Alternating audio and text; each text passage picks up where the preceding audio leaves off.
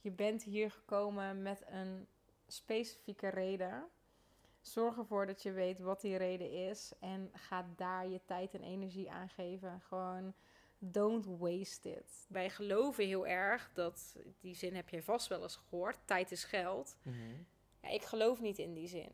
Ik weet dat als ik mijn tijd inzet aan datgene wat mij energie teruggeeft, dat ik dan veel meer tijd creëer, omdat tijd niet lijkt te bestaan. En dat ik ook nog als extra, krijg ik er ook nog eens geld bij. En hoe werkt dat? Daar heb ik heel lang over na zitten denken van, hoe kan het nou dat die formule tijd is geld niet klopt en dat ik een andere formule lijkt te ervaren?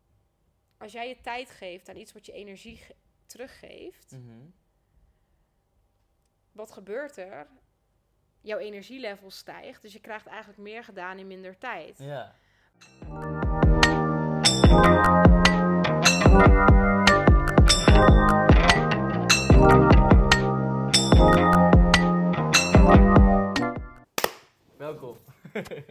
bij de Bewustzijn podcast. Naast mij zit Alex Malone.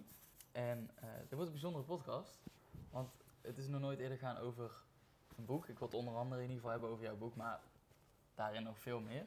Ehm, wij hebben elkaar ontmoet via Instagram. Ja. Ik heb jouw prachtige boeken uitgelezen. Bedankt. Hoe lang geleden nu is uitgekomen? Een paar maanden, ik weet het niet precies. Maar ik vind het echt super vet dat mensen hem lezen. Dus dankjewel dat je daar je tijd aan hebt gegeven. boek, ja, ja, ja. Ja, superleuk. En het, eh, ik denk dat, dat als je dat, je dat dit boek en deze podcast ook interessant voor je is, dus dan als het resoneert, luister dan verder, anders niet.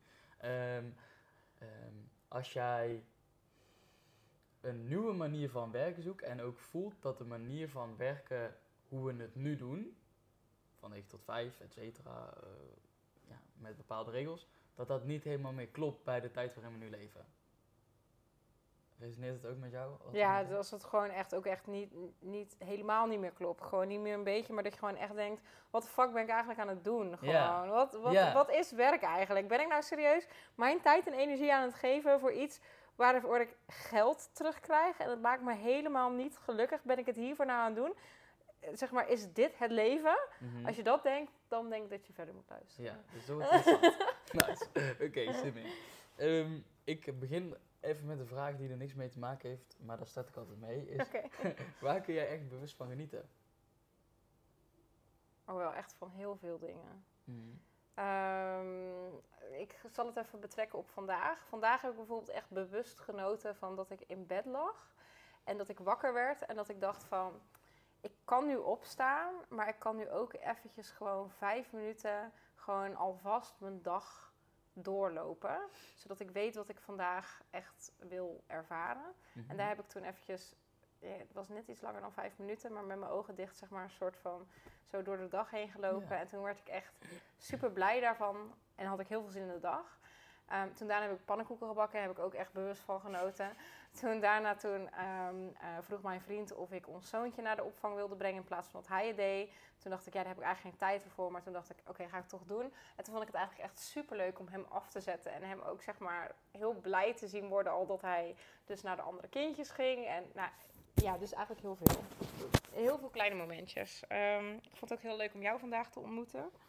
Nou, het, ja, ik, zal ik hem even vasthouden gewoon? Ik hou hem even Kan. vast. Ja, ik hou hem vast. Oké, oké, helemaal goed. Ja. Anders valt hij daar misschien weer. Ja. Ehm, ik vond ons gesprek net ook al echt super leuk. Mhm. gewoon inhoudelijke goede gesprekken. Kan ik echt heel erg van genieten. Waar ik niet van kan genieten is dus tegenovergesteld. Ook een beetje koetjes en kalfjes gelul. Daar hou ik niet zo van. Ja, maar, ja. ja. Ik dat ook zo mensen zo klein Ik kan het ook niet meer, zeg maar. Ik Nee. kan ook, zeg maar, ik heb eerst toen dacht ik, laatst toen eh, zei ik tegen iemand van, eh, ja, het lijkt wel alsof ik meer introvert ben geworden soms in heel veel situaties. Eh, en denk ik van, oh, ik ben echt minder sociaal, dacht ik. Maar is gewoon omdat ik, ik kan gewoon niet meer Ja. over koetjes en kalfjes praten. Ik wil niet, ik wil dat gewoon niet meer. Ik zou het wel op zich ooit weer terug willen hebben. Dat ik het wel als een skill kan inzetten. Dat ik denk van, oké, het zou vandaag gewoon heel handig en ook leuk voor mezelf zijn als ik het gewoon wel weer een keer kon. Ja, Ja, ja, ik probeer het nu wel steeds vaker. Ik probeer het steeds vaker op zeg maar van die, weet je wel, dat je dan een schoonfamilie, nou een schoonfamilie, ik heb eigenlijk een hele leuke schoonfamilie, dus daar is het niet. Maar soms kom je van die momenten en dan denk je toch van, oké, het zou makkelijker zijn als ik er nu gewoon Even ingaan. Als ik er gewoon even in ga, dat ik gewoon wel mee kan lullen met gewoon... ja, dus ik ben het soms wel aan het oefenen. Als ik dan op zo'n plek kom en denk van... Oké, laat ik het proberen. Het is, het, is nu nog niet, het is nu nog niet gelukt. Ik heb elke keer iedereen mee de diepte ingesleept. Ja. nice. Oké, interessant. Ehm, leuk. Nog niet eerder gehoord wat je vertelt ook. Qua waar je best van kan genieten. Leuk. Ehm, dan even voor de mensen die jou niet kennen. Eh, wie ben jij? Hoe zou je jezelf beschrijven? Ik ben ehm, Alex Malone en eh, ik ben op de ambitieuze missie om de wereld van werken compleet te veranderen. Punt. Mooi. Nice. Oké. Ehm, jouw boek. Ja, Vandaag is de deadline. Ja. Van waar de titel? leuke vraag. Ja, ik werd echt midden in de nacht wakker met deze titel in mijn hoofd. Gewoon, oké, zo moet hij heten. Maar hoe lang ik erover nadacht, hoe, de- hoe meer ik ook dacht van... Ah, vette titel. Gewoon... Oké, de eerste is, vandaag is de deadline, omdat... Gewoon, we hebben lang genoeg op de oude manier gewerkt. Mhm. Vandaag gaan we het gewoon transformeren. We gaan het anders doen. Mhm. Vanaf vandaag. Gewoon, Mhm. je kunt nu de keuze maken en dan doe je mee in een nieuwe werkveld. Gewoon, ja, de deadline is vandaag. Gewoon, Ja. en morgen is hij weer. En morgen weer. Dus er komt elke keer opnieuw een nieuwe kans voor jou om te kiezen dat je het vanaf vandaag anders wil doen. Het is niet dat het helemaal voorbij gaat, maar de nieuwe werkveld is er. En jij kunt vandaag kiezen of het vandaag jouw deadline is en of je het vandaag anders wil doen. Dus dat is de eerste. Mhm. Ehm, in het boek staat ook, een van de spelregels is ehm, dat structuur en creativiteit met elkaar in balans eh, zouden eh, mogen zijn. En Mhm. ehm, eigenlijk ook in het nieuwe werkveld zijn die met elkaar in balans. In het oude werkveld heeft structuur de overhand. En in het boek omschrijf ik hoe creativiteit meer leidend zou kunnen zijn in jouw dag. Ehm, en ik benoem daar op het moment dat jij een doel kiest, dan zet je dat doel om jezelf in beweging te brengen. En je zet dat doel niet omdat je het daadwerkelijk per se wil halen en dat je jezelf daarop afstraft. Mhm. Wat, wat zorgt voor een hele andere eh, energie en een hele andere manier van werken dan als je het doel kiest om in beweging te komen. Mhm. En vervolgens ook een ervaringsveld kiest terwijl je er naartoe gaat. Dus het gaat eigenlijk veel meer. Je kent waarschijnlijk wel die quote van. ehm, ehm, het, het, it's not about the destination, it's about the journey. Mhm. Dat heb ik geïntegreerd in het werkveld. Dus je kiest wel je destination, Ja. maar het gaat om je route er naartoe en het groeiproces. Mhm. En op het moment dat je dat omarmt, dan heb je dus elke dag een actie te zetten richting jouw doel. En heb je dus ook elke dag een deadline. Maar in het moment, wij hadden het daar net nog heel eventjes over toen jij zei van ja, hoe vind jij nieuwe mensen? Hoe vind jij, ehm, eh, hoe- hoe vind jij een nieuw bereik? En toen zei jij al van op het moment dat ik iets post en ik post het in de juiste energie, omdat ik op dat moment er helemaal in zit, dan heeft dat een ander effect dan als ik iets van tevoren inplan. ja. Nou, dat gaat hierover, want heel veel wordt in onze oude manier van werken ver van tevoren ingepland. Maar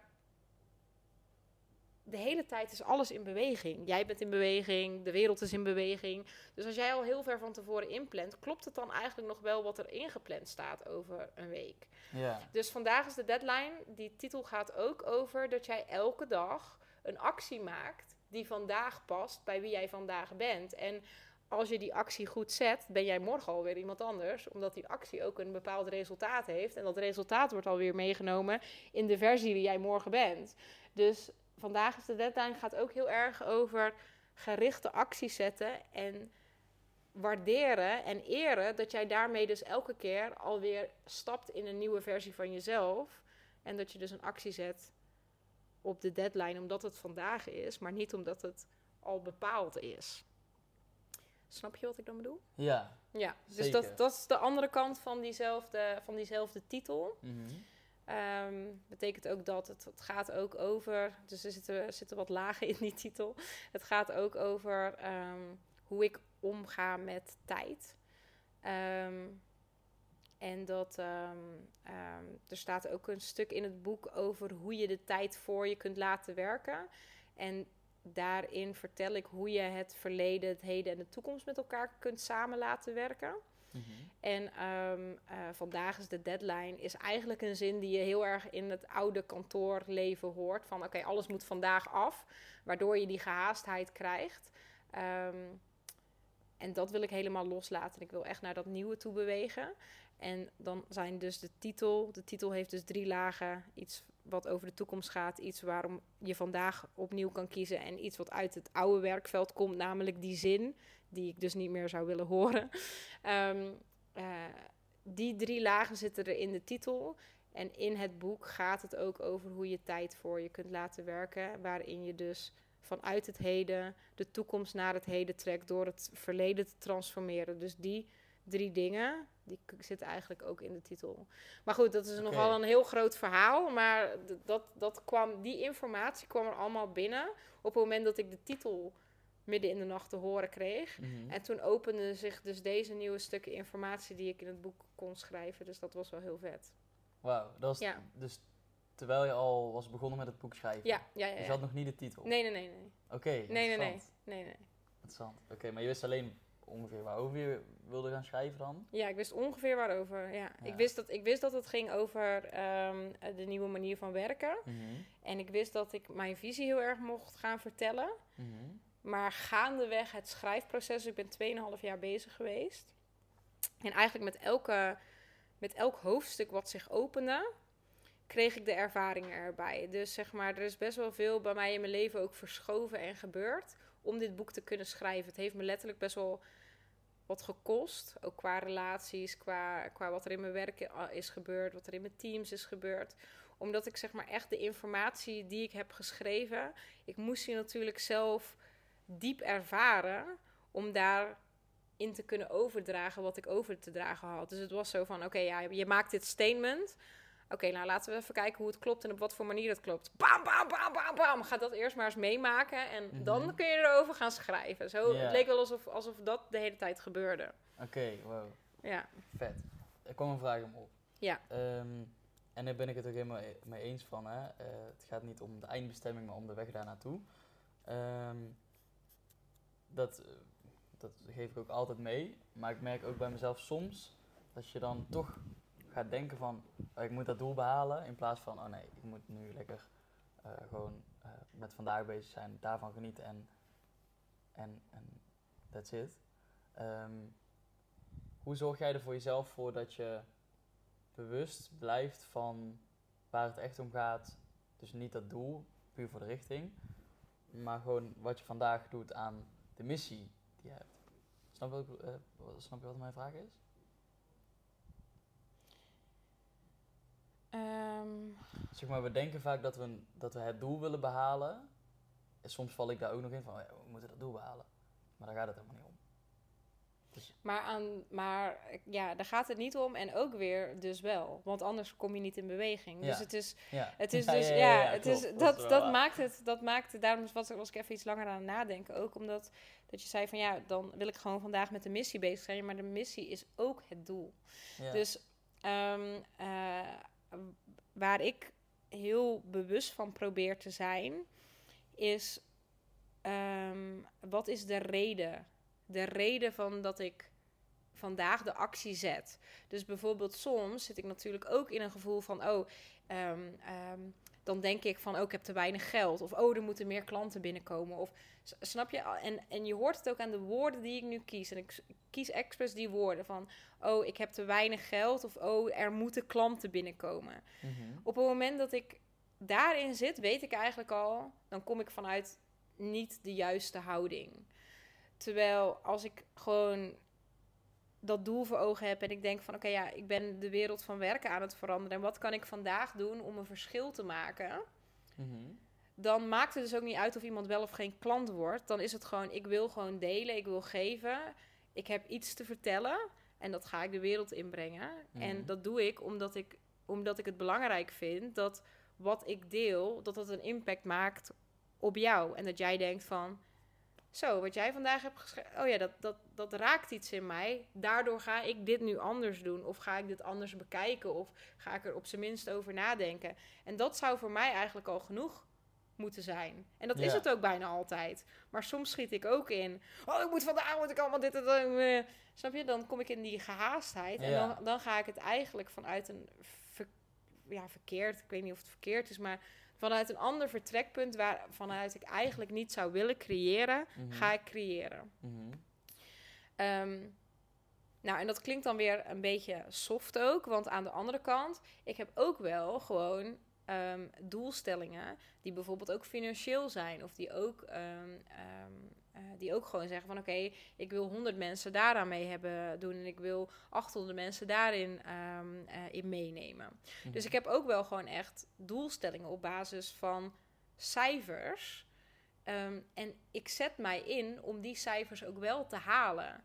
Maar het gaat dus ook niet om. ehm, want, en ik heb daar een commitment op, weet je wel. Ik heb, ik heb ook al die meer. Ja, zoals je het dan. De, de masculine eh, eh, Ja, eh, energie. Dat zet ik ook in. Daar, daar, dat, dat, dat is ook waar ik mee werk. Ehm, maar die zijn meer, zeg maar, echt de commitment naar het doel toe dan, zeg maar, de creatie op de dag zelf.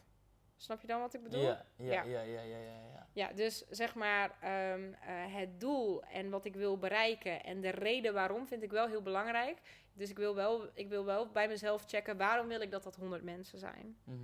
Ehm, daar neem ik de tijd voor om dat helemaal uit te diepen, zodat ik daarna me ook aan over kan geven en de commitment er ook echt op kan zetten van oké, dat zijn 100 mensen en daar ga ik elke dag nu een stap voor zetten om dat, om dat te bereiken.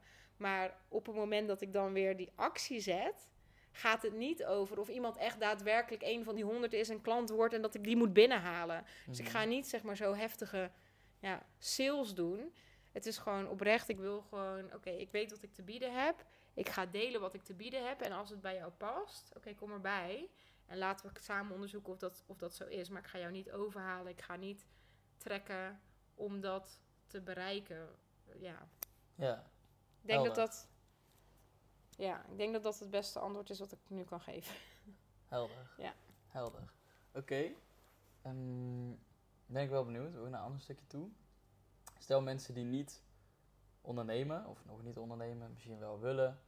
ehm, en die zijn bijvoorbeeld meer op zoek naar een missie. Of ja, wat wil ik nou eigenlijk echt? En die, hè, die, die, die resoneren met wat jij ook in het begin hebt gezegd. Van joh, what the fuck, eh, wat zijn we allemaal aan het doen hier met z'n allen? Ehm, ja, wat wil je eigenlijk aan die mensen meegeven die daarin het gevoel hebben vast te zitten? Ja. Nou, in eerste instantie zou ik willen zeggen van iedereen heeft beschikking tot twee hele belangrijke krachten. En de grootste resources die wij allemaal hebben zijn onze tijd en onze energie. En mijn vraag aan die persoon zou dan echt zijn: waar geef jij jouw tijd en energie aan? Geef jij je tijd en energie aan datgene wat jou ook energie teruggeeft? En wat jou ook tijd teruggeeft. En op het moment dat jij. Kijk, wij, wij geloven heel erg dat. Die zin heb je vast wel eens gehoord: tijd is geld. Ja, ik geloof niet in die zin. Ik geloof. Ik geloof wel dat sommige mensen het geloven dat het waarheid is, maar het is absoluut niet wat ik geloof. Ehm, ik weet dat als ik mijn tijd inzet aan datgene wat mij energie teruggeeft, dat ik dan veel meer tijd creëer, omdat tijd niet lijkt te bestaan. En dat ik ook nog als extra krijg ik er ook nog eens geld bij. En hoe werkt dat? Daar heb ik heel lang over na zitten denken van hoe kan het nou dat die formule tijd is geld niet klopt en dat ik een andere formule lijk te ervaren. Mhm. En toen ik er langer en langer over na ging denken, toen we- werd het eigenlijk best wel logisch. Want als jij je tijd geeft aan iets wat je energie ge- teruggeeft, Mhm. wat gebeurt er? Jouw energielevel stijgt, dus je krijgt eigenlijk meer gedaan in minder tijd. Ja. Wat gebeurt er? Er is dus meer tijd om te besteden. Ja. Zeg maar, en ook als je dat dus in werk doet, als ik mijn tijd besteed aan werk wat ik heel leuk vind, Mhm. dan krijg ik meer gedaan in minder tijd, waardoor ik ook meer tijd overhoud om andere dingen te doen die ik ook leuk vind, waardoor mijn energielevel nog meer stijgt. En op een duur kwam ik dus in een opwaartse spiraal van tijd en energie terecht, waardoor ik dus ook meer vrijheid kreeg. Maar wat er dus ook gebeurde was, omdat ik meer gedaan kreeg in minder tijd en mijn werk werd wel beter, kon ik in één keer ook hele andere ehm, tarieven gaan rekenen. Dus ik verschoof ook van een standaard maandtarief naar in één keer projectprijzen. En geen uurtje factuurtje meer, maar gewoon mensen gingen mij zien voor de waarde die ik leverde. Dus alles verschoof daarmee. Dus in één keer was tijd niet meer geld. En in één keer werd het voor mij nog belangrijker om te kijken van oké, waar geef ik mijn tijd en energie aan? Dus stap 1 voor iedereen. Want dat is wat je vraag is, hè? Van oké, waar, waar begin je als je, als je denkt van oké, wat de fuck ben ik aan het doen op werk? Oké, waar geef jij je tijd en energie aan uit? Geef jij het uit aan een bedrijf, aan een organisatie, aan een uh, baas, aan een manager, aan je eigen bedrijf? Waarvan je ook echt denkt, oké, wat ik aan het doen ben, hier moet mijn tijd en energie naartoe, want dit klopt. En ik krijg hier ook energie van terug. Het brengt mij veel. Het geeft me vervulling. Het maakt me gelukkig. Ik ben Mhm. mijn tijd en energie aan het besteden aan dat wat ik belangrijk vind. Aan het verschil wat ik wil zien in de wereld. Daar ben ik mijn tijd en energie aan het, aan het geven. Als dat niet zo is, is de volgende vraag: oké, welk verschil zou jij willen zien in de wereld? Waar frustreer jij je over? Maar ook waar ben jij heel goed in? Waar ben je heel passievol over? Ga daar meer tijd aan besteden. Aan je Mhm. passies, aan wat jou gelukkig maakt. Maar ook, waar frustreer jij je over? Kun je daar een verschil in maken? Kun je daarin iets betekenen? Welke skills heb jij meegekregen? Wat zijn jouw unieke superpowers? En als je het zelf niet weet, ga aan andere mensen vragen. Oké, wat vinden jullie bijzonder aan mij? Super mooie vraag om te stellen aan jouw Ja. omgeving. Wat vind jij bijzonder aan mij? Het is vaak iets wat je zelf ook niet doorhebt, omdat het voor jou zo normaal is Mhm. dat je denkt: oh, dit zal iedereen wel kunnen. Ja, goeie dat je die deelt. Er Ja. is ook eentje, die wil ik ook even delen. Eh, een, een opdracht die ik meegeef in mijn traject ook soms, eh, is eh, vraag aan nou, vijf mensen in je omgeving. En als je het niet in het echt wil doen, stuur gewoon een berichtje via WhatsApp. De vraag, ehm, wat vind jij mijn grootste krachten en talenten? En waarom? Omdat vaak hè, ziet een ander dus wat jij misschien zelf niet ziet. Ja. En dan ook de vraag, ehm, is er ook een talent, vaardigheid of skill ehm, waar jij eh, misschien zelfs mij zou eh, voor willen betalen om daar hulp van te krijgen? Hmm. En misschien is het helemaal niks, nou, maakt niet uit. Ehm, maar zo ga je dingen ontdekken van, wow, oké, dit, is, dit is blijkbaar heel bijzonder of niet normaal voor mensen. Ja. En mensen willen dat leren. Kan ik daar iets mee? Of in een onderneming, of in een bedrijf wat al bestaat. Whatever het is. Dus dat zou ook kunnen doen thuis. Ja, hele goeie. En zeker ook, het, het, het ge- geeft inzicht in... Want heel veel mensen denken van... Ja, ik kan wel heel goed mensen aan elkaar verbinden. Of ik kan wel heel goed luisteren. Maar ja, daar kan ik mijn werk niet van maken. Maar je zult je verbazen over welke kernkwaliteiten dus inderdaad wel waardevol zijn. En waar mensen dus inderdaad voor willen betalen. Dus een goede, goede toevoeging om die erbij te vragen. En ehm, ja, dus eerst van waar geef je je tijd en energie aan en klopt dat eigenlijk wel? Als dat niet klopt, ga eens kijken naar je passies, je frustraties, je supertalenten. Ehm, en ga daar meer tijd en energie naartoe brengen. En dat zijn eigenlijk, het zijn twee simpele dingen, maar het zijn geen makkelijke dingen. Het is allebei best wel een uitdagend iets. Dus ik kan nu nog wel zeg maar vijf stappen gaan opnoemen. Maar laten we daar eens mee gaan beginnen. Want het zou al best wel eens ehm, eh, een paar maanden van je tijd kunnen innemen. Aangezien het vraagt nogal veel. Als je er nu achter komt van oké, maar ik geef mijn tijd en energie eigenlijk aan mensen, aan dingen, aan activiteiten die mij geen energie teruggeven. Dus dat betekent al een hele grote transformatie in je leven. Ja, oké. Nou, ik ben benieuwd. Ehm, soms, dan zijn er dingen in het leven... Kijk, eh, soms denk ik wel gewoon... Moet je gewoon dingen doen waar je geen zin in, eh, in hebt. Maar ik ben wel benieuwd. Stel, ehm, daar denk ik dan wel eens over na. Van ja, eh, weet ik veel. Je moet op verjaardag bij eh, iemand uit je familie. En ja, daar heb je eigenlijk helemaal niks mee of zo. Of weet ik veel. Je nodigt je dan uit of iets totaal anders. En dan, je weet van, oh, daar krijg ik echt geen energie van. Dat gaat me energie kosten. Doe je dat dan? Of doe je dat juist nooit gewoon? Ja, ik heb het wel echt inmiddels, maar ik ben nu denk ik al tien jaar, hier, ja, ik ben al tien jaar hiermee bezig. Dus Mhm. ik heb het nu wel echt op een punt geëlimineerd dat het, dat het echt nauwelijks voorkomt. Oké. Ehm, ja, ik heb dan wel ooit zeg maar nog dat ik dan ehm, ergens ben en dat ik dan merk van, oh ja, hier is vooral koetjes en kalfjes. Ja, dat ja, heb ik wel dat- ooit nog wel eens. Ja, ja, ja. Ehm, maar dat duurt dus ook niet zo lang, omdat ik dan vaak toch wel een vraag ga stellen, waardoor het in één keer een heel Ah, diepgaand gesprek wordt. Ehm, Maar ja, ook mijn vriend weet bijvoorbeeld, ik ga niet mee naar verjaardagen of naar eh, sociale verplichtingen, zoals het dan ehm, wordt genoemd. Ja, daar ga ik niet mee naartoe. Ehm, ik hou ook niet echt van grote groepen. Ik hou ook niet echt van ja, nieuwe, nieuwe grote groepen, zeg maar. Ehm, ik hou ook niet van, zeg maar, zien en gezien worden feestjes. Ja. Nee, ik doe die dingen ook niet meer, omdat ik weet dat ze me best wel veel energie kosten. Ja. Dus ehm, nee, ik, ja, ik zou, en ik zou ook echt zeggen, als je weet dat zoiets je energie kost, niet doen. En ook, ik ben ook wel, wat dat betreft, iemand die, ehm, niet zo'n leuke vriendin eigenlijk, als ik er nu over nadenk. Maar soms als ik met iemand heb afgesproken en op de dag zelf denk ik toch van, ja, het lukt niet. Of ik, ik heb nu echt zin om ehm, eh, een idee uit te werken. Of mijn zoontje heeft me nodig. Of Mhm. weet je, dan kies ik daarvoor. En dan zeg ik ook, ook last minute, kan ik nog afzeggen. En ik kreeg laatst toevallig een berichtje van een, van een goede vriendin van mij. En ik had haar dus ook afgezegd. En zij stuurde naar mij. En ik vond dat eigenlijk een heel mooi compliment. Ik zei ook, ik had ook teruggestuurd van, oh, het is een beetje triest, maar ik ben er toch blij mee dat je dit zegt. Eh, maar zij zei van, oh ja, altijd als ik met jou heb afgesproken, hou ik een slag om de arm dat het toch niet doorgaat. Ja, en ik vond het eigenlijk heel fijn, want het staat onze vriendschap dus niet in de weg. En al mijn vriendinnen weten ook dat dat zo is. En, maar zij weten dus ook dat als ik er wel ben, dat ik ook echt voor ze heb gekozen. Dat ik er dan ook 100% daar voor hun ben. Omdat ik hun wil zien en er ook 100% kan zijn. Dus ja, het gaat twee kanten op. interessant ja. Want anders dan kun je er ook natuurlijk minder met je aanwezigheid zijn, omdat je, ja, omdat je energie eigenlijk ergens anders naartoe wil. Ja. Ja, dus... ik zou het wel ook fucking vervelend vinden als, als ik bijvoorbeeld al lang iets heb staan en dan ineens last minute wordt het afgezegd. Oh ja? En waarom Ja. zou je dat vervelend vinden? Mm, ja, dan, dan eh, omdat we dat hebben afgesproken. Oké. Ja, ik vind het dus ook nooit erg als iemand mij last minute afzegt. Want dan denk ik in één keer, oh, heb Ja, ik in één keer extra tijd.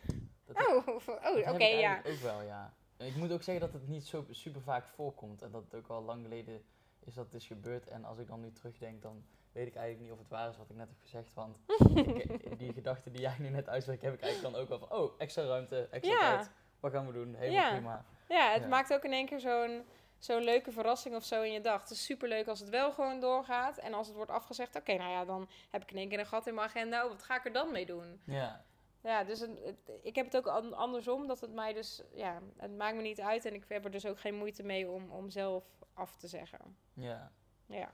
Oké, waarom denk jij dat eh, mensen, hè, je stelde net de vraag van waar geef je je tijd en energie aan uit? Ehm, er zijn dus zoveel mensen die gewoon eh, ja, weten en uitspreken, misschien niet helemaal super bewust, maar eh, uitspreken van ja, werk, pff, moet ik weer, weet je wel. Ja. Waarom blijven ze dan toch mee doorgaan? Ja, het is eigenlijk best wel, ehm, het is eigenlijk wel logisch dat mensen dat doen. Ehm, als je teruggaat naar. Als wij klein zijn, dan, ehm, dan, dan luisteren we naar onze vader en moeder. Die heeft ons ook opgevoed met: oké, dit mag wel, dat mag niet. Vervolgens luisteren we naar eh, de kleuterjuf, naar de basisschoolleraar. eh, dan gaan we naar de mm, middelbare school. Dan luisteren we weer naar een leraar. En eigenlijk wordt ons de hele tijd verteld, dan vervolgens is het een baas. Dat, we, ons wordt de hele tijd verteld hoe we iets Moeten doen. moeten doen. Eh, dit is goed, dat is fout, dat is goed, dat is fout. Dus we leggen eigenlijk onze hele verantwoordelijkheid van ons gedrag buiten onszelf. En we kijken de hele tijd naar één iemand van... Oh, en nu? Doe ik het nu goed? Oh, nee, niet goed? Oké, harder best doen. Ja, Weet je, ja, ja, gewoon- het, is zo, het is zo ingedrild om Mhm. het op een bepaalde manier te doen... dat wanneer, ehm, ehm, wanneer we op een leeftijd komen... dat we het eigenlijk zelf prima mogen en kunnen beslissen... dat we het gewoon niet hebben geleerd. Dus het vraagt, het vraagt gewoon... ehm, ja, eigenlijk het reclaimen van je eigenaarschap terug. En dat is, dat is een training. Dat is gewoon een training als je eenmaal oud genoeg bent, eh, volwassen, je woont op jezelf. Dat is gewoon een moment waarop je kunt gaan denken: oké, wie ben ik nu geworden? Wat wil ik? En hoe ga ik de verantwoordelijkheid over mijn eigen tijd, energie, maar eigenlijk gewoon alle aspecten van, van je leven, hoe ga ik die eigenaarschap gewoon terugpakken? ja. Ja, en dat is denk ik voor, voor iedereen, een, iedereen een proces. Uh, en ik denk dat dat proces ook bij het leven hoort. Want we zijn ook allemaal als babytje begonnen. En dan is het ook logisch dat onze ouder of verzorger Ja. zeg maar, ons laat zien ehm, hoe de wereld volgens die persoon in elkaar zit. En daar, dat hebben we ook nodig om in deze wereld te groeien en op onze eigen benen te gaan staan. Maar uiteindelijk komt er een punt dat, dat je dat echt meer vanuit jezelf mag gaan doen. En hoe Mhm. vroeger je daarmee kunt beginnen, Mhm. ja, volgens mij hoe, hoe vetter dat eigenlijk is. Ja. Ja, want dan is er minder, minder veel geprogrammeerd. Ja, ja, ja, Ja. ja, ja, ja. Dat, dat, dat merk ik ook wel als ik zeg maar met mensen in gesprek ga, eh, of het nou binnen of buiten mijn werk is. Ehm, vaak, niet altijd, vaak hoe oude mensen zijn, hoe moeilijker het is om ze op een open manier te laten denken oh, kan ook. Of, Ja. Hè, te veel in, die programmering, dus interessant. Oké. Eh, maar ja, het is denk ik ook wel, eh, om eraan toe te voegen, een stukje ja, veiligheid van, oké, maar dit is nu mijn baan ehm, en eh, ik krijg iedere maand zoveel geld en ik kan Ja. nu alles betalen en wat gaat er gebeuren, gebeuren als, puntje, puntje. Ja. Of ze weten niet wat ze dan wel willen en Ja. dan blijven ze maar hetzelfde doen. En, Ja, maar heeft alsnog, al heeft alsnog te maken ook met eigenaarschap. Dus als ik het dan, want dat klopt hè, Ehm, ehm, onzekerheid over geld. Maar dat, Mhm. dat, wat ik daaruit hoor is ook een stukje eigenaarschap wat mist over je eigen emotie. Klopt dat? Klopt het dat jouw zekerheid zit in je maandelijkse salaris? Is dat jouw Ja, zekerheid? Ja, ja, ja, ja, ja. Ja, is dat, eh, d- d- snap je dus, dus de dingen die jij zelf gelooft, kloppen die echt? Ehm, ik, ik weet nog dat ik ook dacht, toen ik begon met freelancen, ik weet letterlijk nog deze gedachte, toen ging ik van loondienst naar freelance. Ja, dan ging ik een uurtarief bepalen. En toen had ik het, dacht ik, het briljante, de briljante ingeving dat ik dacht van, wauw, nu kan ik dus echt zien hoeveel ik waard ben. Gewoon, ik heb nu een uurtarief, dus ik weet mijn waarde. En een paar jaar later, of weet ik veel hoeveel later, dacht ik van... Wow, dat was fucked up. Dat ik dus mijn eigen waarde letterlijk van een, van een eh, uurtarief liet afhangen. Ja. Snap je? Dat was zo'n ehm, mind-opener weer, dat ik dacht van... Huh? Dat heeft natuurlijk niks met elkaar te maken, maar het, dat is dus ook iets wat is ingeprogrammeerd, of in ieder geval wat bij mij was ingeprogrammeerd, was dat zeg maar mijn salaris, de functie die ik had, dat dat allemaal elementen waren van mijn eigen waarde. Omdat ik eigenlijk vanuit dat perspectief kon laten zien aan de buitenwereld, ja maar kijk, ik heb het goed gedaan, want ik heb deze functie en dit is mijn salaris en daarvan kan ik dit soort huis kopen en deze kleren. Het is allemaal status. Mhm. Ehm, maar klopt dat? Dus ja, dan kom ik toch weer terug bij het stukje eigenaarschap. Eigenaarschap over je gedachten, eigenaarschap over je emoties. Kloppen de dingen die jij voelt daarbij? Geeft Mhm. dat jou echt zekerheid? Want ook toen ik dus uiteindelijk begon met ondernemen, toen dacht ik. Ik vind dus loondienst helemaal geen zekerheid. Nu ik weet wat ondernemerschap is, Mhm. vind ik loondienst heel onzeker. Omdat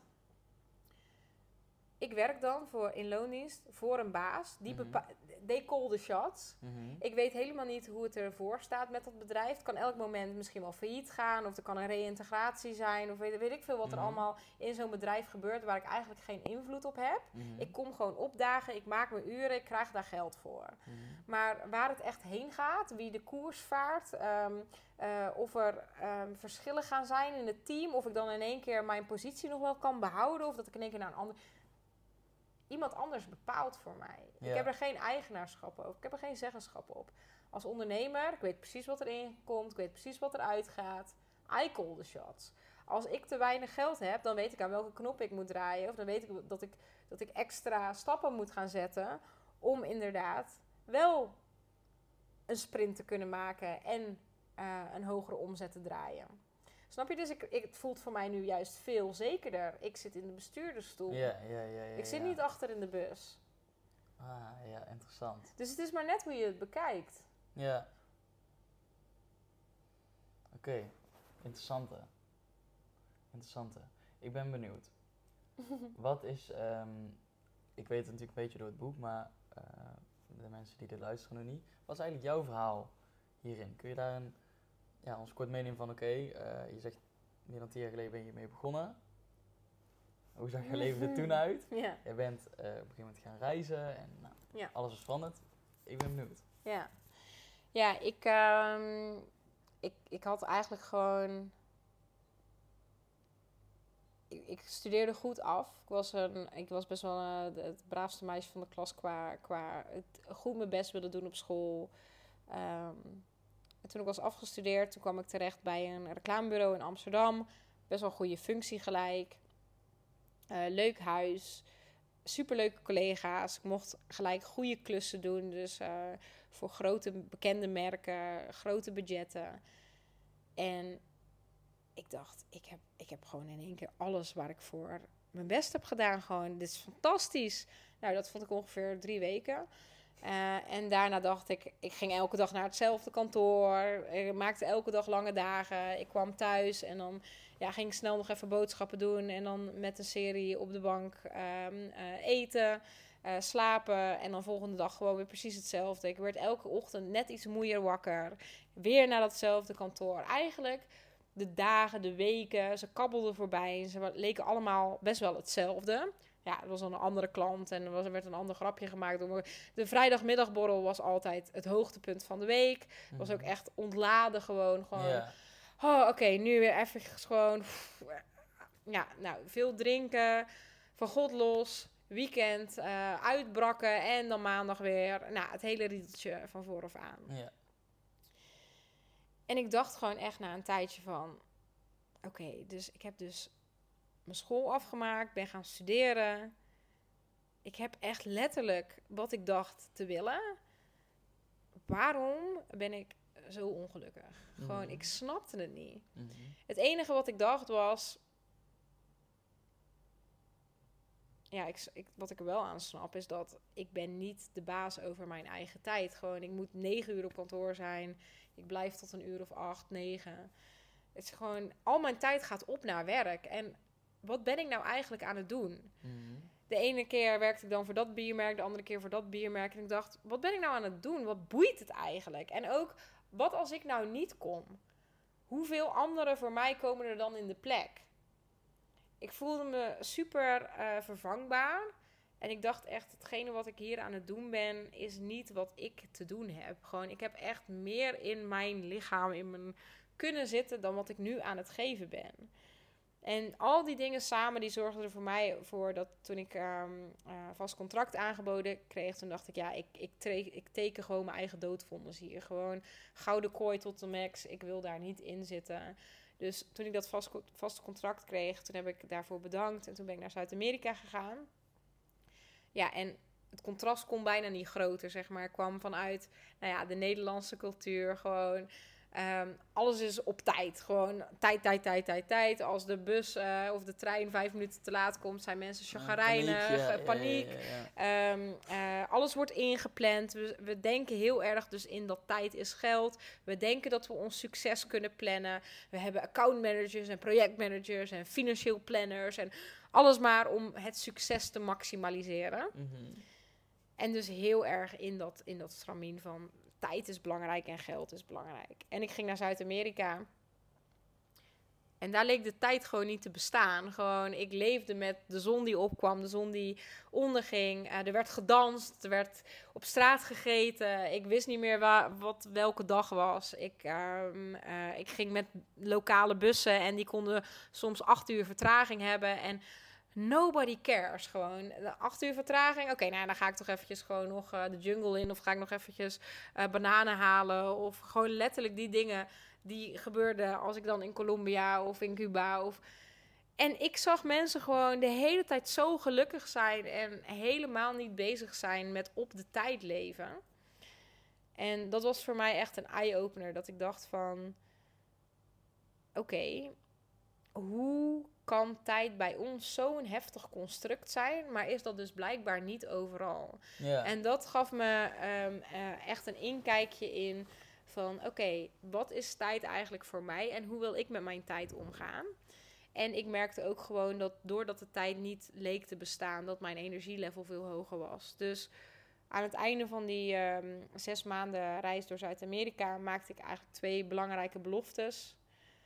En ik wist niet dat die zo levensveranderend zouden zijn, maar de belofte die ik maakte was: mijn tijd is vanaf nu van mij. Niemand krijgt meer de eigenaarschap over mijn tijd. Geen baas, geen klant, gewoon mijn tijd. Ik bepaal wanneer en wat ik met mijn tijd doe. Mhm. En twee is, ik geef mijn tijd alleen nog maar aan dat wat mij meer energie teruggeeft. Dus ehm, het is echt, ehm, oké, alles wat geen energie geeft, dat ga ik steeds meer elimineren uit mijn leven. ja. Zodat alles gewoon ehm, ja, kloppend voelt en mij blij maakt en gelukkig maakt.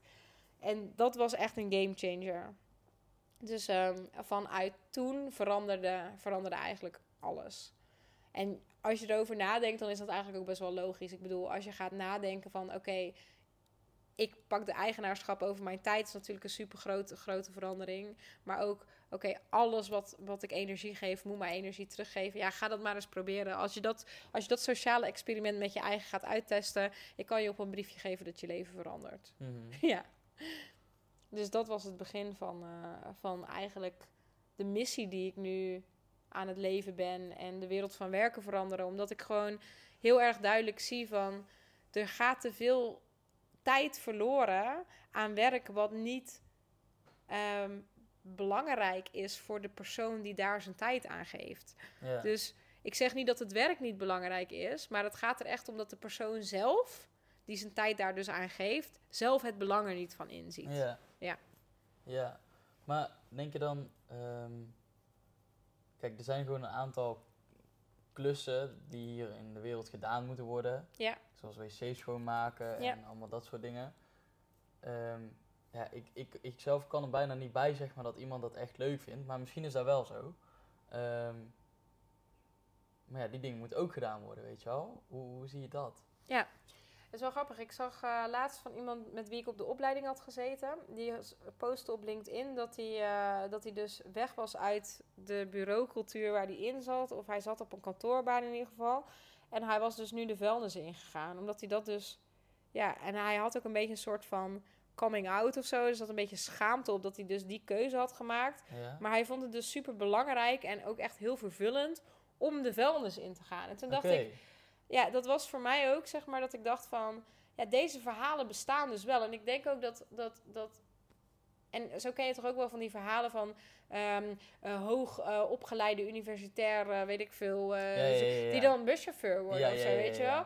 En ik denk dat er een stuk ook zit in dat wij die banen als minder waardig bestempelen. Ja, dat want is wel zeker waar, ja. want ja, weet je, ehm, zonder, ehm, zonder vuilnisman en zonder busjes, buschauffeur, buschauffeur, buschauffeur, weet je, met elkaar draaien we de maatschappij. En ik, ik, ik, ik vind dus, en nou ja, ik ben zelf eh, negen maanden geleden bevallen en toen eh, had ik een verloskundige ehm, bij ons thuis lopen.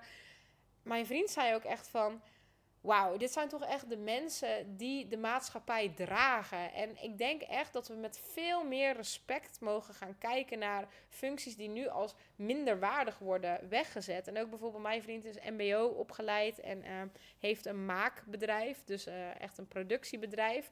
Ehm, is ongeveer alle tegenovergestelde van, van eh, eh, wat, waar ik voor sta. Dus zeg maar, dat is, in een productie is er natuurlijk nog wel tijd is geld. ja, Want als de productie aanstaat, daar komt het ook vandaan. Hè? ja. Ehm, als de productie aanstaat, dan is dat wat er geproduceerd wordt en wat het geld oplevert. En mensen achter de, de lopende band, bij wijze van spreken, als zij daar staan, dat is wat het geld oplevert. Dus, dus het komt heel erg uit het fabriekswerken. Nou, mijn Ja. vriend zit dus in een fabriek, heeft een fabriek. Ehm, en hij is MBO geschoold. En ik heb het daar wel eens met hem over dat, dat, dat mijn visie staat haaks op eigenlijk hoe hij werkt. Mhm. En daardoor heeft het mijn visie ook weer opnieuw verruimd. Omdat ik dus ook echt zie dat ehm, eh, die functies. Ja, die zijn fantastisch. Die mogen ook echt veel meer gevier- gevierd en geëerd worden. En ehm, ik denk dat als wij dat met elkaar ook zouden doen, dat mensen ook veel trotser zouden zijn om inderdaad ehm, in zo'n productieproces te staan. Of voor buschauffeur te kiezen. Of voor vuilnisman te kiezen. Of ehm, schoonmaker. Of weet je, ehm, ook de schoonmaakster die wij hebben, die vindt het fantastisch leuk om te poetsen. Ja, ja, ja, Snap je? klopt, Die mensen die zijn, die zijn er gewoon. Alleen, zeker ja, ik denk niet dat we, dat we dat moeten afdoen als, als iets wat minder belangrijk is. Ja, zeker waar. Dus ik denk dat het echt zit in een stukje perceptie en in, in wat wij met elkaar ook, ja, dat wij met elkaar ook die beroepen mogen vieren, zodat mensen daar met trots voor kunnen kiezen. En niet dat ik een berichtje zie op LinkedIn dat iemand zich bijna schaamt dat hij de vuilnis ingaat, weet je wel? Ja, Want ik denk alleen maar fucking respect. En ik Ja. denk ook dat jij kiest voor, voor hetgene wat jouw passie is. Al is het fucking vuilnis. Oké, you do you en echt cheering for you. Snap je? ja, Ja. ja, mooi. Hele mooie. Interessant. Oké. Dus als je de vuilnis in wil, ga Let's lekker de vuilnis in. nice. Ehm, nou, kwam nog een vraag op. En dat, oh ja, natuurlijk. Die sluit hier wel mooi op aan eigenlijk. Je hebt het over... eh, nee, dat wil ik trouwens eerst delen. Oké. Nog even naar de fabriek. Wat ik echt een top inzicht vond, ook uit het boek, eh, is eh, waar dus de 9 tot 5 vandaan komt. Want dat had ik al zo lang in mijn hoofd van... Wat ik altijd dus riep, is van... ehm, hoezo doen we dit allemaal? En dit is ook mijn eerste soort van wake-up van mijn hele bewustzijn van... Huh, wat doen we allemaal? Van waarom doen we dit, zeg maar? En wat nou als we met z'n allen besluiten dat we in plaats van 40 uur gaan werken, 20 uur gaan werken? Ja, Wat als we dan gewoon met z'n allen besluiten? dat zou toch top zijn, hoor. ja. Want dan doen we gewoon allemaal wat minder. En dan moeten we ook besluiten dat we allemaal wat minder willen en hoeven en moeten, et cetera. Nou, dat kan, maar dat kan. Maar dan moeten we het wel met z'n allen besluiten. Ja, maar ik vraag mij dus af, want eh, nu zeg je dat zo. Oké, ja. Want dit, dit is een super interessante gedachte. Want ik had die gedachte ook toen ik 6, 7, 8 jaar was. Dan kwam ik ook thuis en toen vroeg ik aan mijn moeder van... Waarom moet ik eigenlijk vijf dagen naar school? Waarom niet vier en drie Ja. dagen weekend? Dat is toch veel eerlijker? Of weet je, wie heeft dat be- be- bepaald? Waarom is dat zo? En nou ja, dat is dan dus zo. Net als dat, dat het 40 uur de normale werkweek is. Nu zeg jij, laten we er met z'n allen 20 van maken. Ik denk dat we nu op een punt zi- zijn wat al daar voorbij is. Dat we namelijk allemaal kunnen kijken, oké, maar wat wil ik? En dan kom je weer terug bij dat eigenaarschap. Ik zou nu niet meer willen dat iemand voor mij gaat beslissen, we gaan allemaal 20 uur werken. Dan denk Ja. ik, bemoei jij je lekker met jouw week. Ja. Ik doe mijn week bepalen. Ja. Dus ehm, ik denk dat we daar voorbij zijn. Hoewel de gedachtegang natuurlijk super interessant is. Van oké, wat zou dat betekenen als? Ehm, ik denk namelijk dat dat de productiviteit heel erg omhoog brengt. Want we willen dan... dan, dan je moet wel ehm, gaan kijken hoe je... bepaalde dingen in die 20 uur gedaan krijgt. Sowieso 40 uur werken. Gewoon daar zit zoveel onproductieve, ja, onproductieve tijd in. Ehm, die je dan het liefst ook niet op kantoor zou willen besteden. Maar liever gewoon terwijl je loopt in een park. Of weet ik veel, lekker eh, een lange lunch aan het doen bent. Of weet je, iets wat je oplaat in ieder geval. In plaats van dat je zeg maar ook uren aan het verspillen bent. Dat je naar je laptop aan het kijken bent. En dat er letterlijk niks gebeurt. Ja. Gewoon die tijd, die zouden we eruit kunnen halen. En dan zou je misschien inderdaad uitkomen op een 20-urige werkweek. Maar ik zou eigenlijk nog wel een stap verder willen gaan en gewoon willen zeggen van... Oké, wat werkt voor jou? Hoeveel uur wil jij per week werken? Hoeveel uur werkt voor mij? En dat iedereen dat gewoon voor zichzelf mag bepalen. En dat je echt op output gaat werken. Dus aan het einde van de maand, oké, wat ga je opleveren? Wat ga jij deze maand neerzetten met het bedrijf waar je voor werkt... of het eigen bedrijf wat je hebt, weet je wel? Mhm, Dus mhm. echt op basis van output. En dan zijn die uren dus eigenlijk helemaal niet meer zo heel relevant. Ja, oké. Maar denk je wel dat zeg maar, bij sommige bedrijven, banen, we wel eh, altijd, of in ieder geval in de komende jaren, eh, ja, aan een uurfactuur moeten zitten, zeg maar? Want bijvoorbeeld, stel je werkt in een, ehm, in een koffietentje. Eh, en de restaurant is 10 uur open. Ja, en je weet niet hoeveel klanten er komen, dat weet je, die kun je niet gokken. Ehm, ja, dan is het wel, Ja. je staat daar zoveel uur, dus Ja. dan, Ja. hoe zie jij dat? Ja, de- er zijn natuurlijk bepaalde beroepen waarbij je wel... Ja, waarbij je bepaalde openingstijden hebt en eh, waarbij dat inderdaad wel is. Dus ik heb het nu echt eh, specifiek over de kenniseconomie. Dus vanuit, da- daar had jij het denk ik ook over, hè? over de 20 uur. Ja, nou ja, meer, die was voor mij, zeg maar, die gedachte was gewoon meer in het algemeen. Oké, ja. Ja, want ik denk dus bijvoorbeeld als je kijkt naar horeca, ga je eigenlijk bijna meer naar een 24 uur 7 open Ja. in, in steden. Snap je? Dus ja. daar, en er is natuurlijk, tijd is, is wat dat betreft iets geks, want we hebben tijd wel nodig om ehm, eh, als uitgangspunt. En ook om samen met elkaar dingen te organiseren. Bijvoorbeeld inderdaad, als je het hebt over openingstijden, is het heel fijn dat het niet zeg maar zo is dat iemand denkt van, ah, ja, vandaag heb ik geen zin en dat jij daar zo, weet je, dus openingstijden is zoiets, maar wat, dat hebben we nodig om ook de maatschappij met elkaar vorm te geven. Ja. En ik snap ook wel dat jij zegt 20 uur. Want 20 uur zou je wel als rekenvoorbeeld kunnen houden om dus de output te gaan uitrekenen. Van oké, als jij ongeveer 20 uur per week productieve tijd hebt, Mhm. wat kun jij neerzetten in 20 eh, uur per week? Wat mag ik dan aan het einde van de maand van jou verwachten? Dus ook als je op output gaat, gaat richten, dan heb je wel tijd nodig als instrument om tot een bepaling te komen. Alleen dat is natuurlijk heel anders als je tijd op die manier gebruikt dan als tijd een vast gegeven wordt en ehm, de tijd jou eigenlijk heeft. En dat jij stress krijgt van de tijd en dat er dus allerlei deadlines zijn en dat je eigenlijk, ja, eigenlijk de tijd achterna holt omdat er zoveel druk ligt in de Mhm. tijd. Ja. Dus ja, Mm, Tijd is een ehm, bi- bijzonder iets, want het is een construct wat wij hebben gedacht, bedacht. Je hebt namelijk de chronos-tijd en de mhm. kairos-tijd. En de chronos-tijd is de chronologische tijd met regels die door de mensen bedacht is. Dus bijvoorbeeld, nou ja, er zitten dan zeven dagen in een week, maar wij werken er vijf. Dat is bedacht. Eh, wij werken acht uur per dag. Dat is be- bedacht.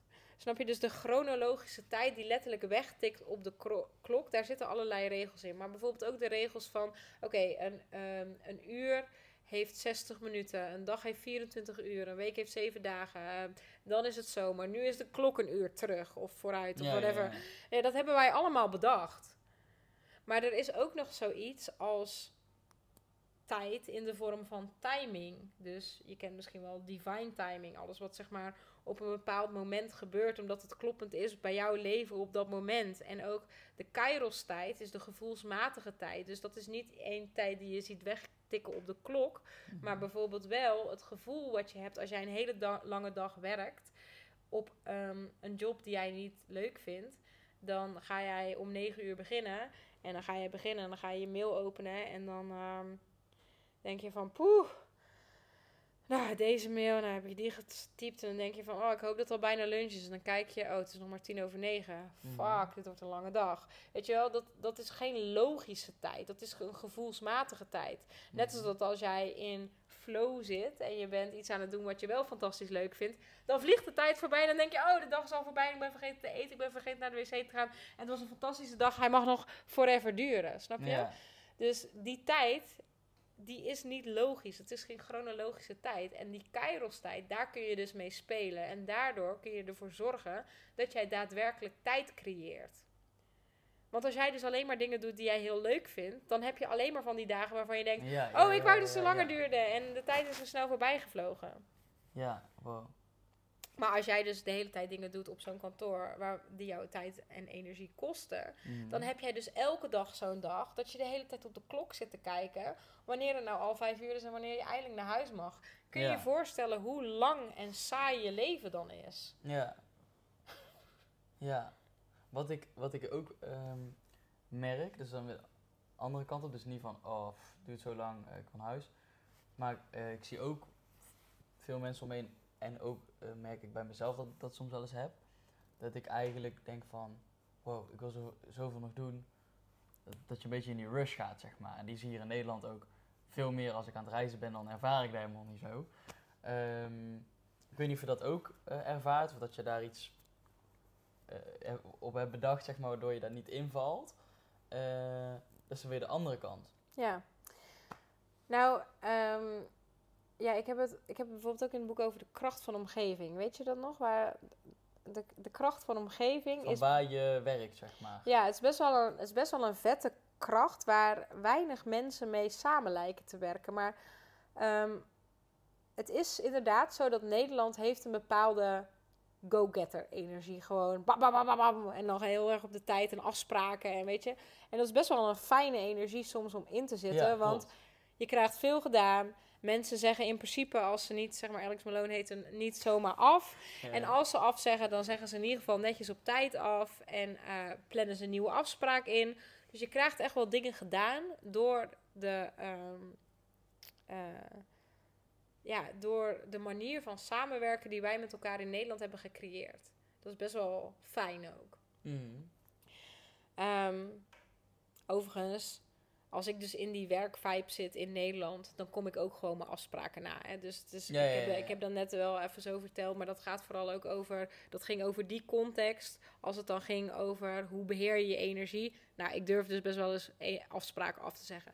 Aan de andere kant, ook gewoon als professional, kom ik ook gewoon mijn afspraken na. tuurlijk. dat is wel goed om even eh, te, Te benoemen. ja. Ehm, ja, anders denk je ook van, ja, wat zit hij nou te lullen? Net zei ze dit en nu zegt ze dat. Dus nee, nee, ik snap je. Ehm, ehm, dus dat is heel fijn aan de energie van Nederland. Dat je met elkaar ook echt dingen gedaan krijgt door de afspraken die wij met elkaar hebben.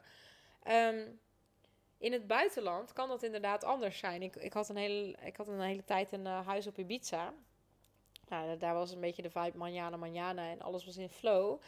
En dat is heel lekker om daar te zijn op het moment dat ik zeg maar in creatiemodus ga. En gewoon groots ga dromen. En alles mag ontstaan. En ja, dat is heel fijn om af en toe in te zitten. Maar als ik daar te lang ben, ja, dan mis ik dus ook wel even die, die doelgerichtheid. Waar we net ook over hadden. Van oké, dat doel om je in beweging te zetten.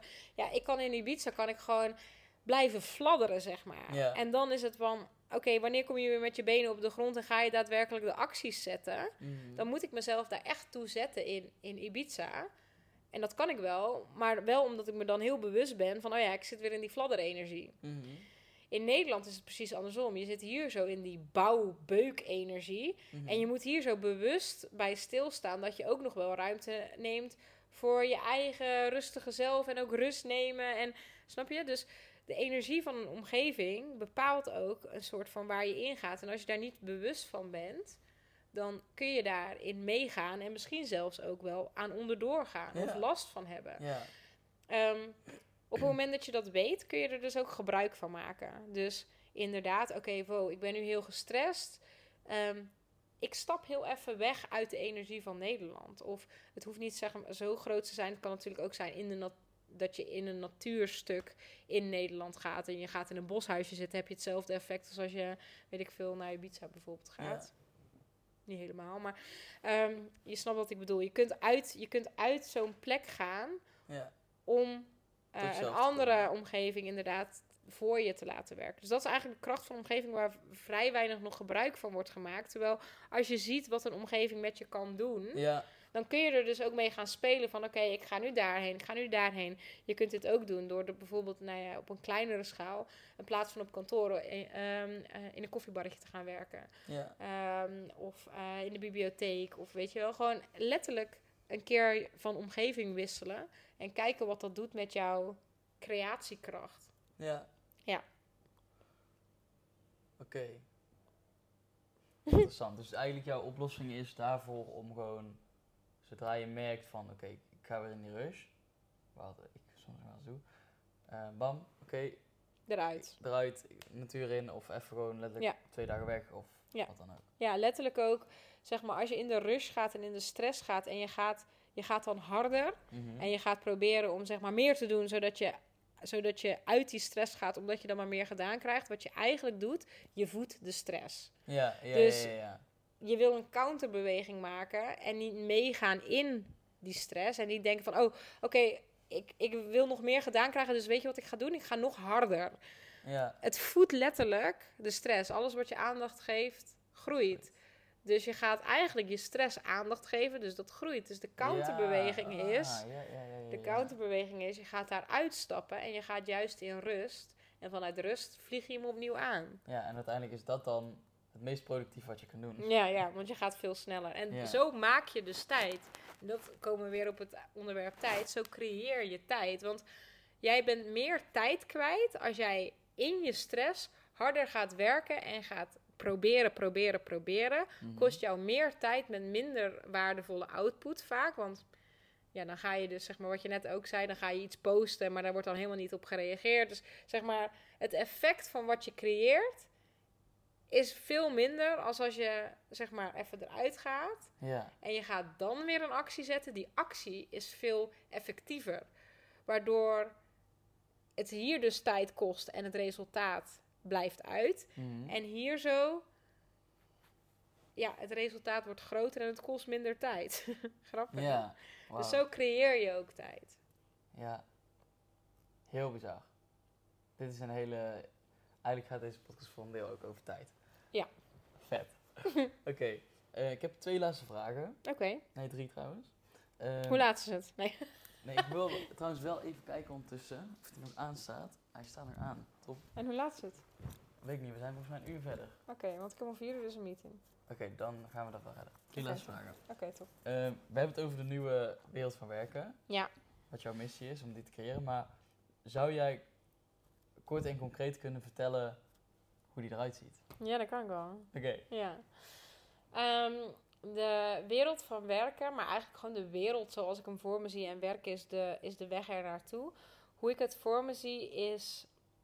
Het belangrijkste is dat het in harmonie is. Dus dat het niet meer ehm, eh, in afgescheidenheid is. Dus dat het niet meer is voor persoonlijk gewin. Maar dat het echt gaat over ehm, het collectief. En dat het collectief beter wordt van elke stap die het individu zet. Ehm, dus dat we echt met elkaar gaan co-creëren, samen creëren. Niet alleen wij met elkaar als mensen, maar ook echt in samenwerking, afstemming met de aarde en met de kosmos.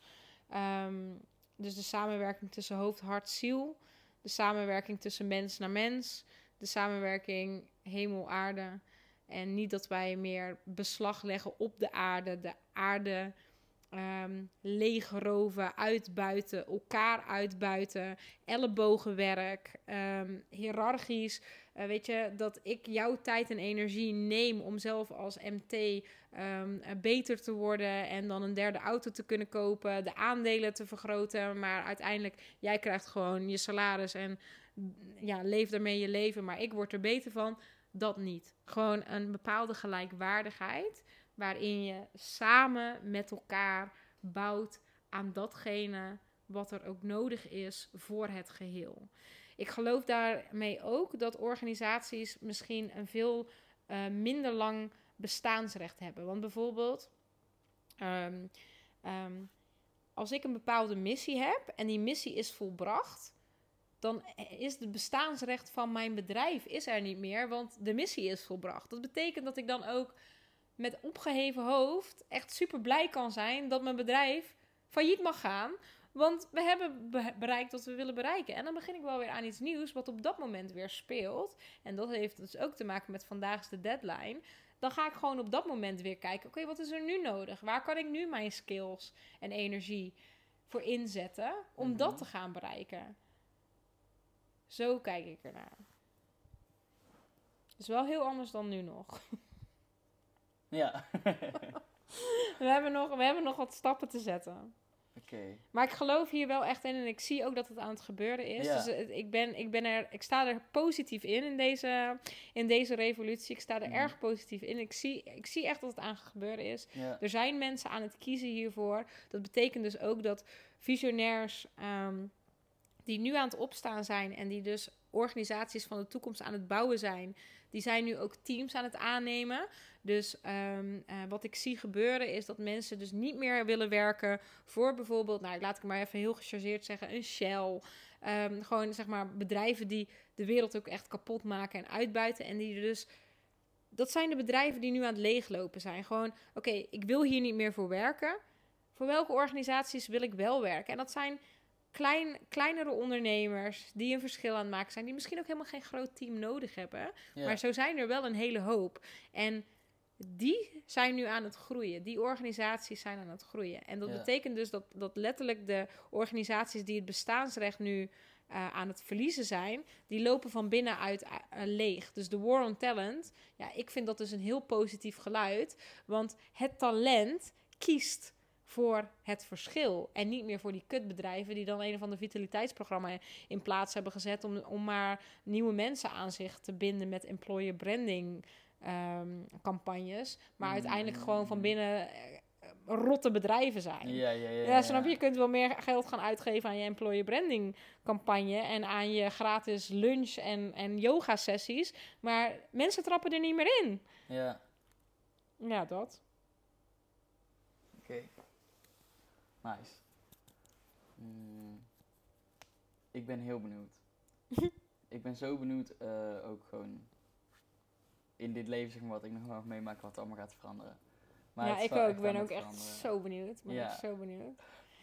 Die, die nieuwe wereld die ik net schetste, Ja. hè? Met dat, het- is dat ook iets wat jij, wat jij ziet gebeuren? Wat je, kun je daarin in, in mee, denk je? Of denk je van, oké, koekoek, eh, dat gaan wij niet meer meemaken?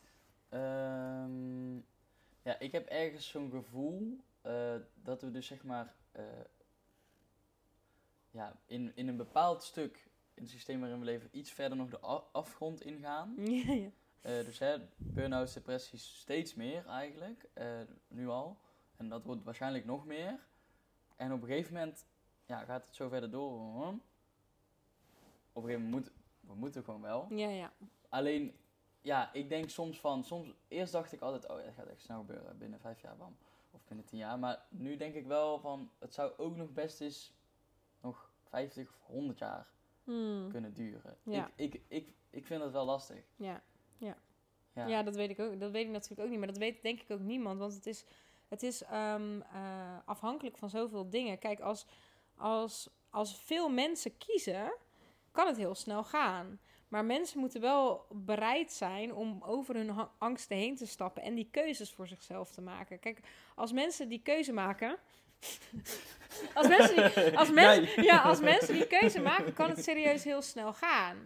Maar kijk, wij kunnen niet zo'n revolutie met te weinig mensen vormgeven en laten groeien als mensen niet meedoen. Dus de timing is echt afhankelijk van de, de dappere, dappere mensen die kiezen voor hun eigen tijd en energie. Dat denk ik wel. En, en ehm, ehm, ja, weet je, aan, aan, ehm, aan de pioniers de taak om, eh, om het op zo'n manier te vertellen dat, eh, dat het aansprekend genoeg is voor de mensen die dit voelen, die dan denken van, oké, fuck, maar met jou durf ik het wel.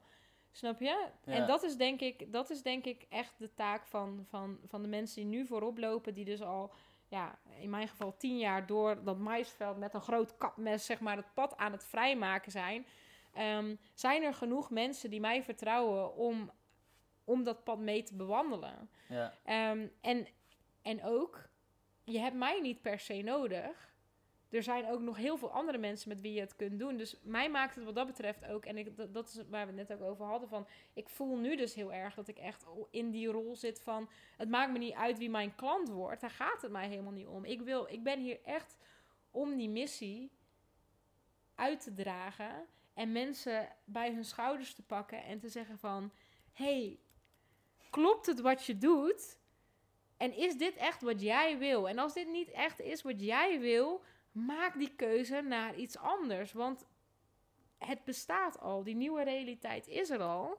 Maar aan jou de keus. Ga je meedoen of blijf je hangen? ja. Ja, want eigenlijk bestaat de nieuwe wereld al in, in de wereld. Ja, En wordt, ja, eh breidt, breidt die zich uit. zeker, zeker. Voor mij voelt dat oude ook steeds verder weg. Ik kan er soms al bijna niet meer bij. Ja, Snap je? Ik vind het soms ook heel lastig om dus vragen te beantwoorden vanuit die oude realiteit waar ik ook ooit in heb gezeten, maar die ineens zo ver weg voelt. ja, En dan, dan, dan, dan, ik vind dat soms best ook wel moeilijk. En dit is ook een van, ehm, denk ik, van de ehm, ehm, angsten die je kunt hebben als je er nog in zit. Van, ja, maar ik weet niet, waar kies ik dan voor? Wat, wat opent er zich allemaal? Wat betekent het allemaal?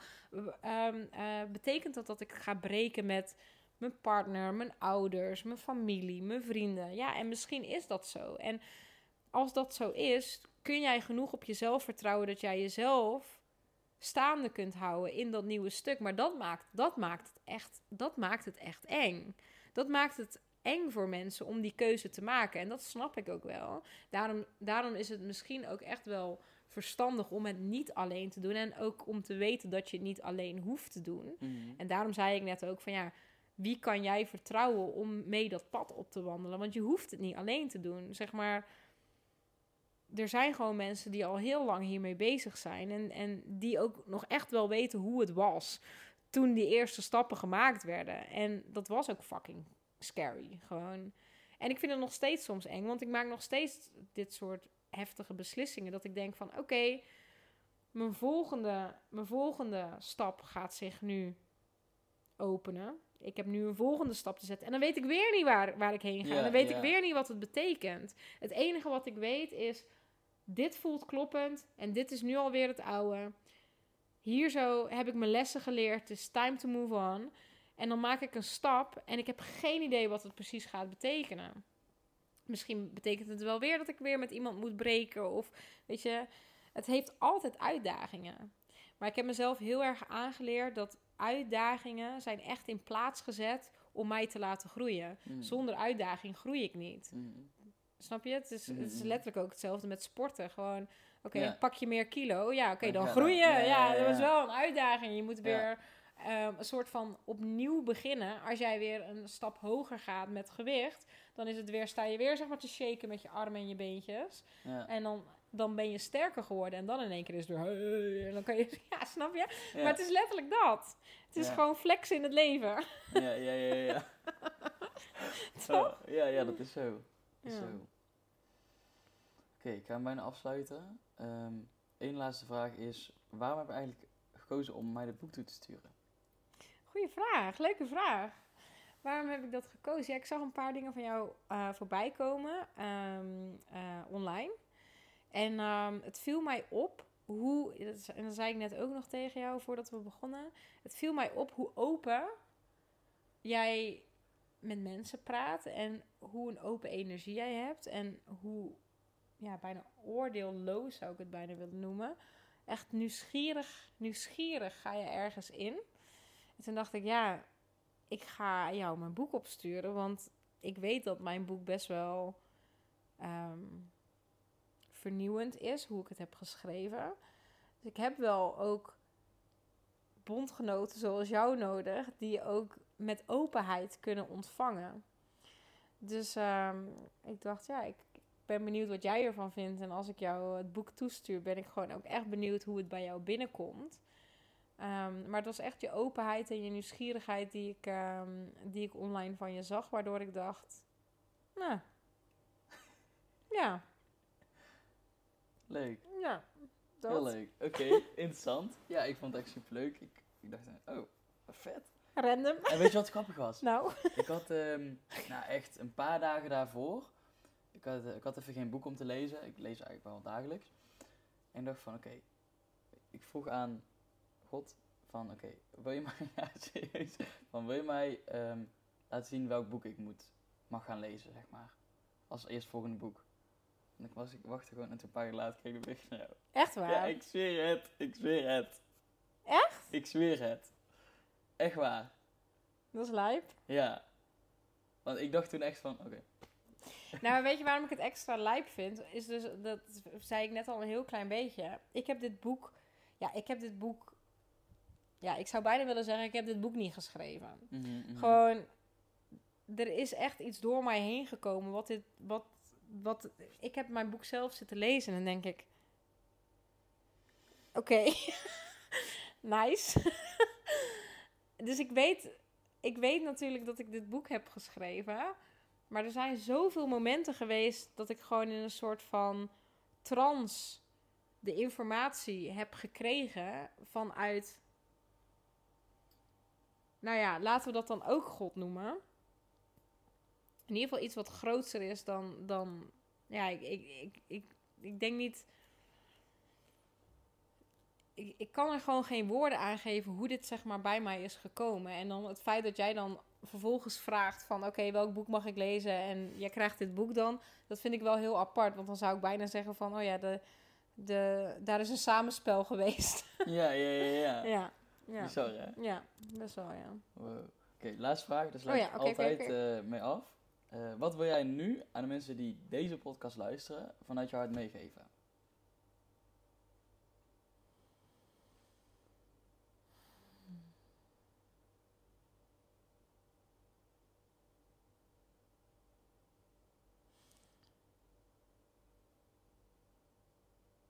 Wat ik wil meegeven is, je bent hier gekomen met een specifieke reden. Zorg ervoor dat je weet wat die reden is en ga daar je tijd en energie aan geven. Gewoon don't waste it. Don't waste it. En ik ga aan Axel een liedje sturen wat bij deze boodschap hoort. Zet dat liedje op. Daar zit een stukje in en ik weet dat ja, ga dat liedje luisteren.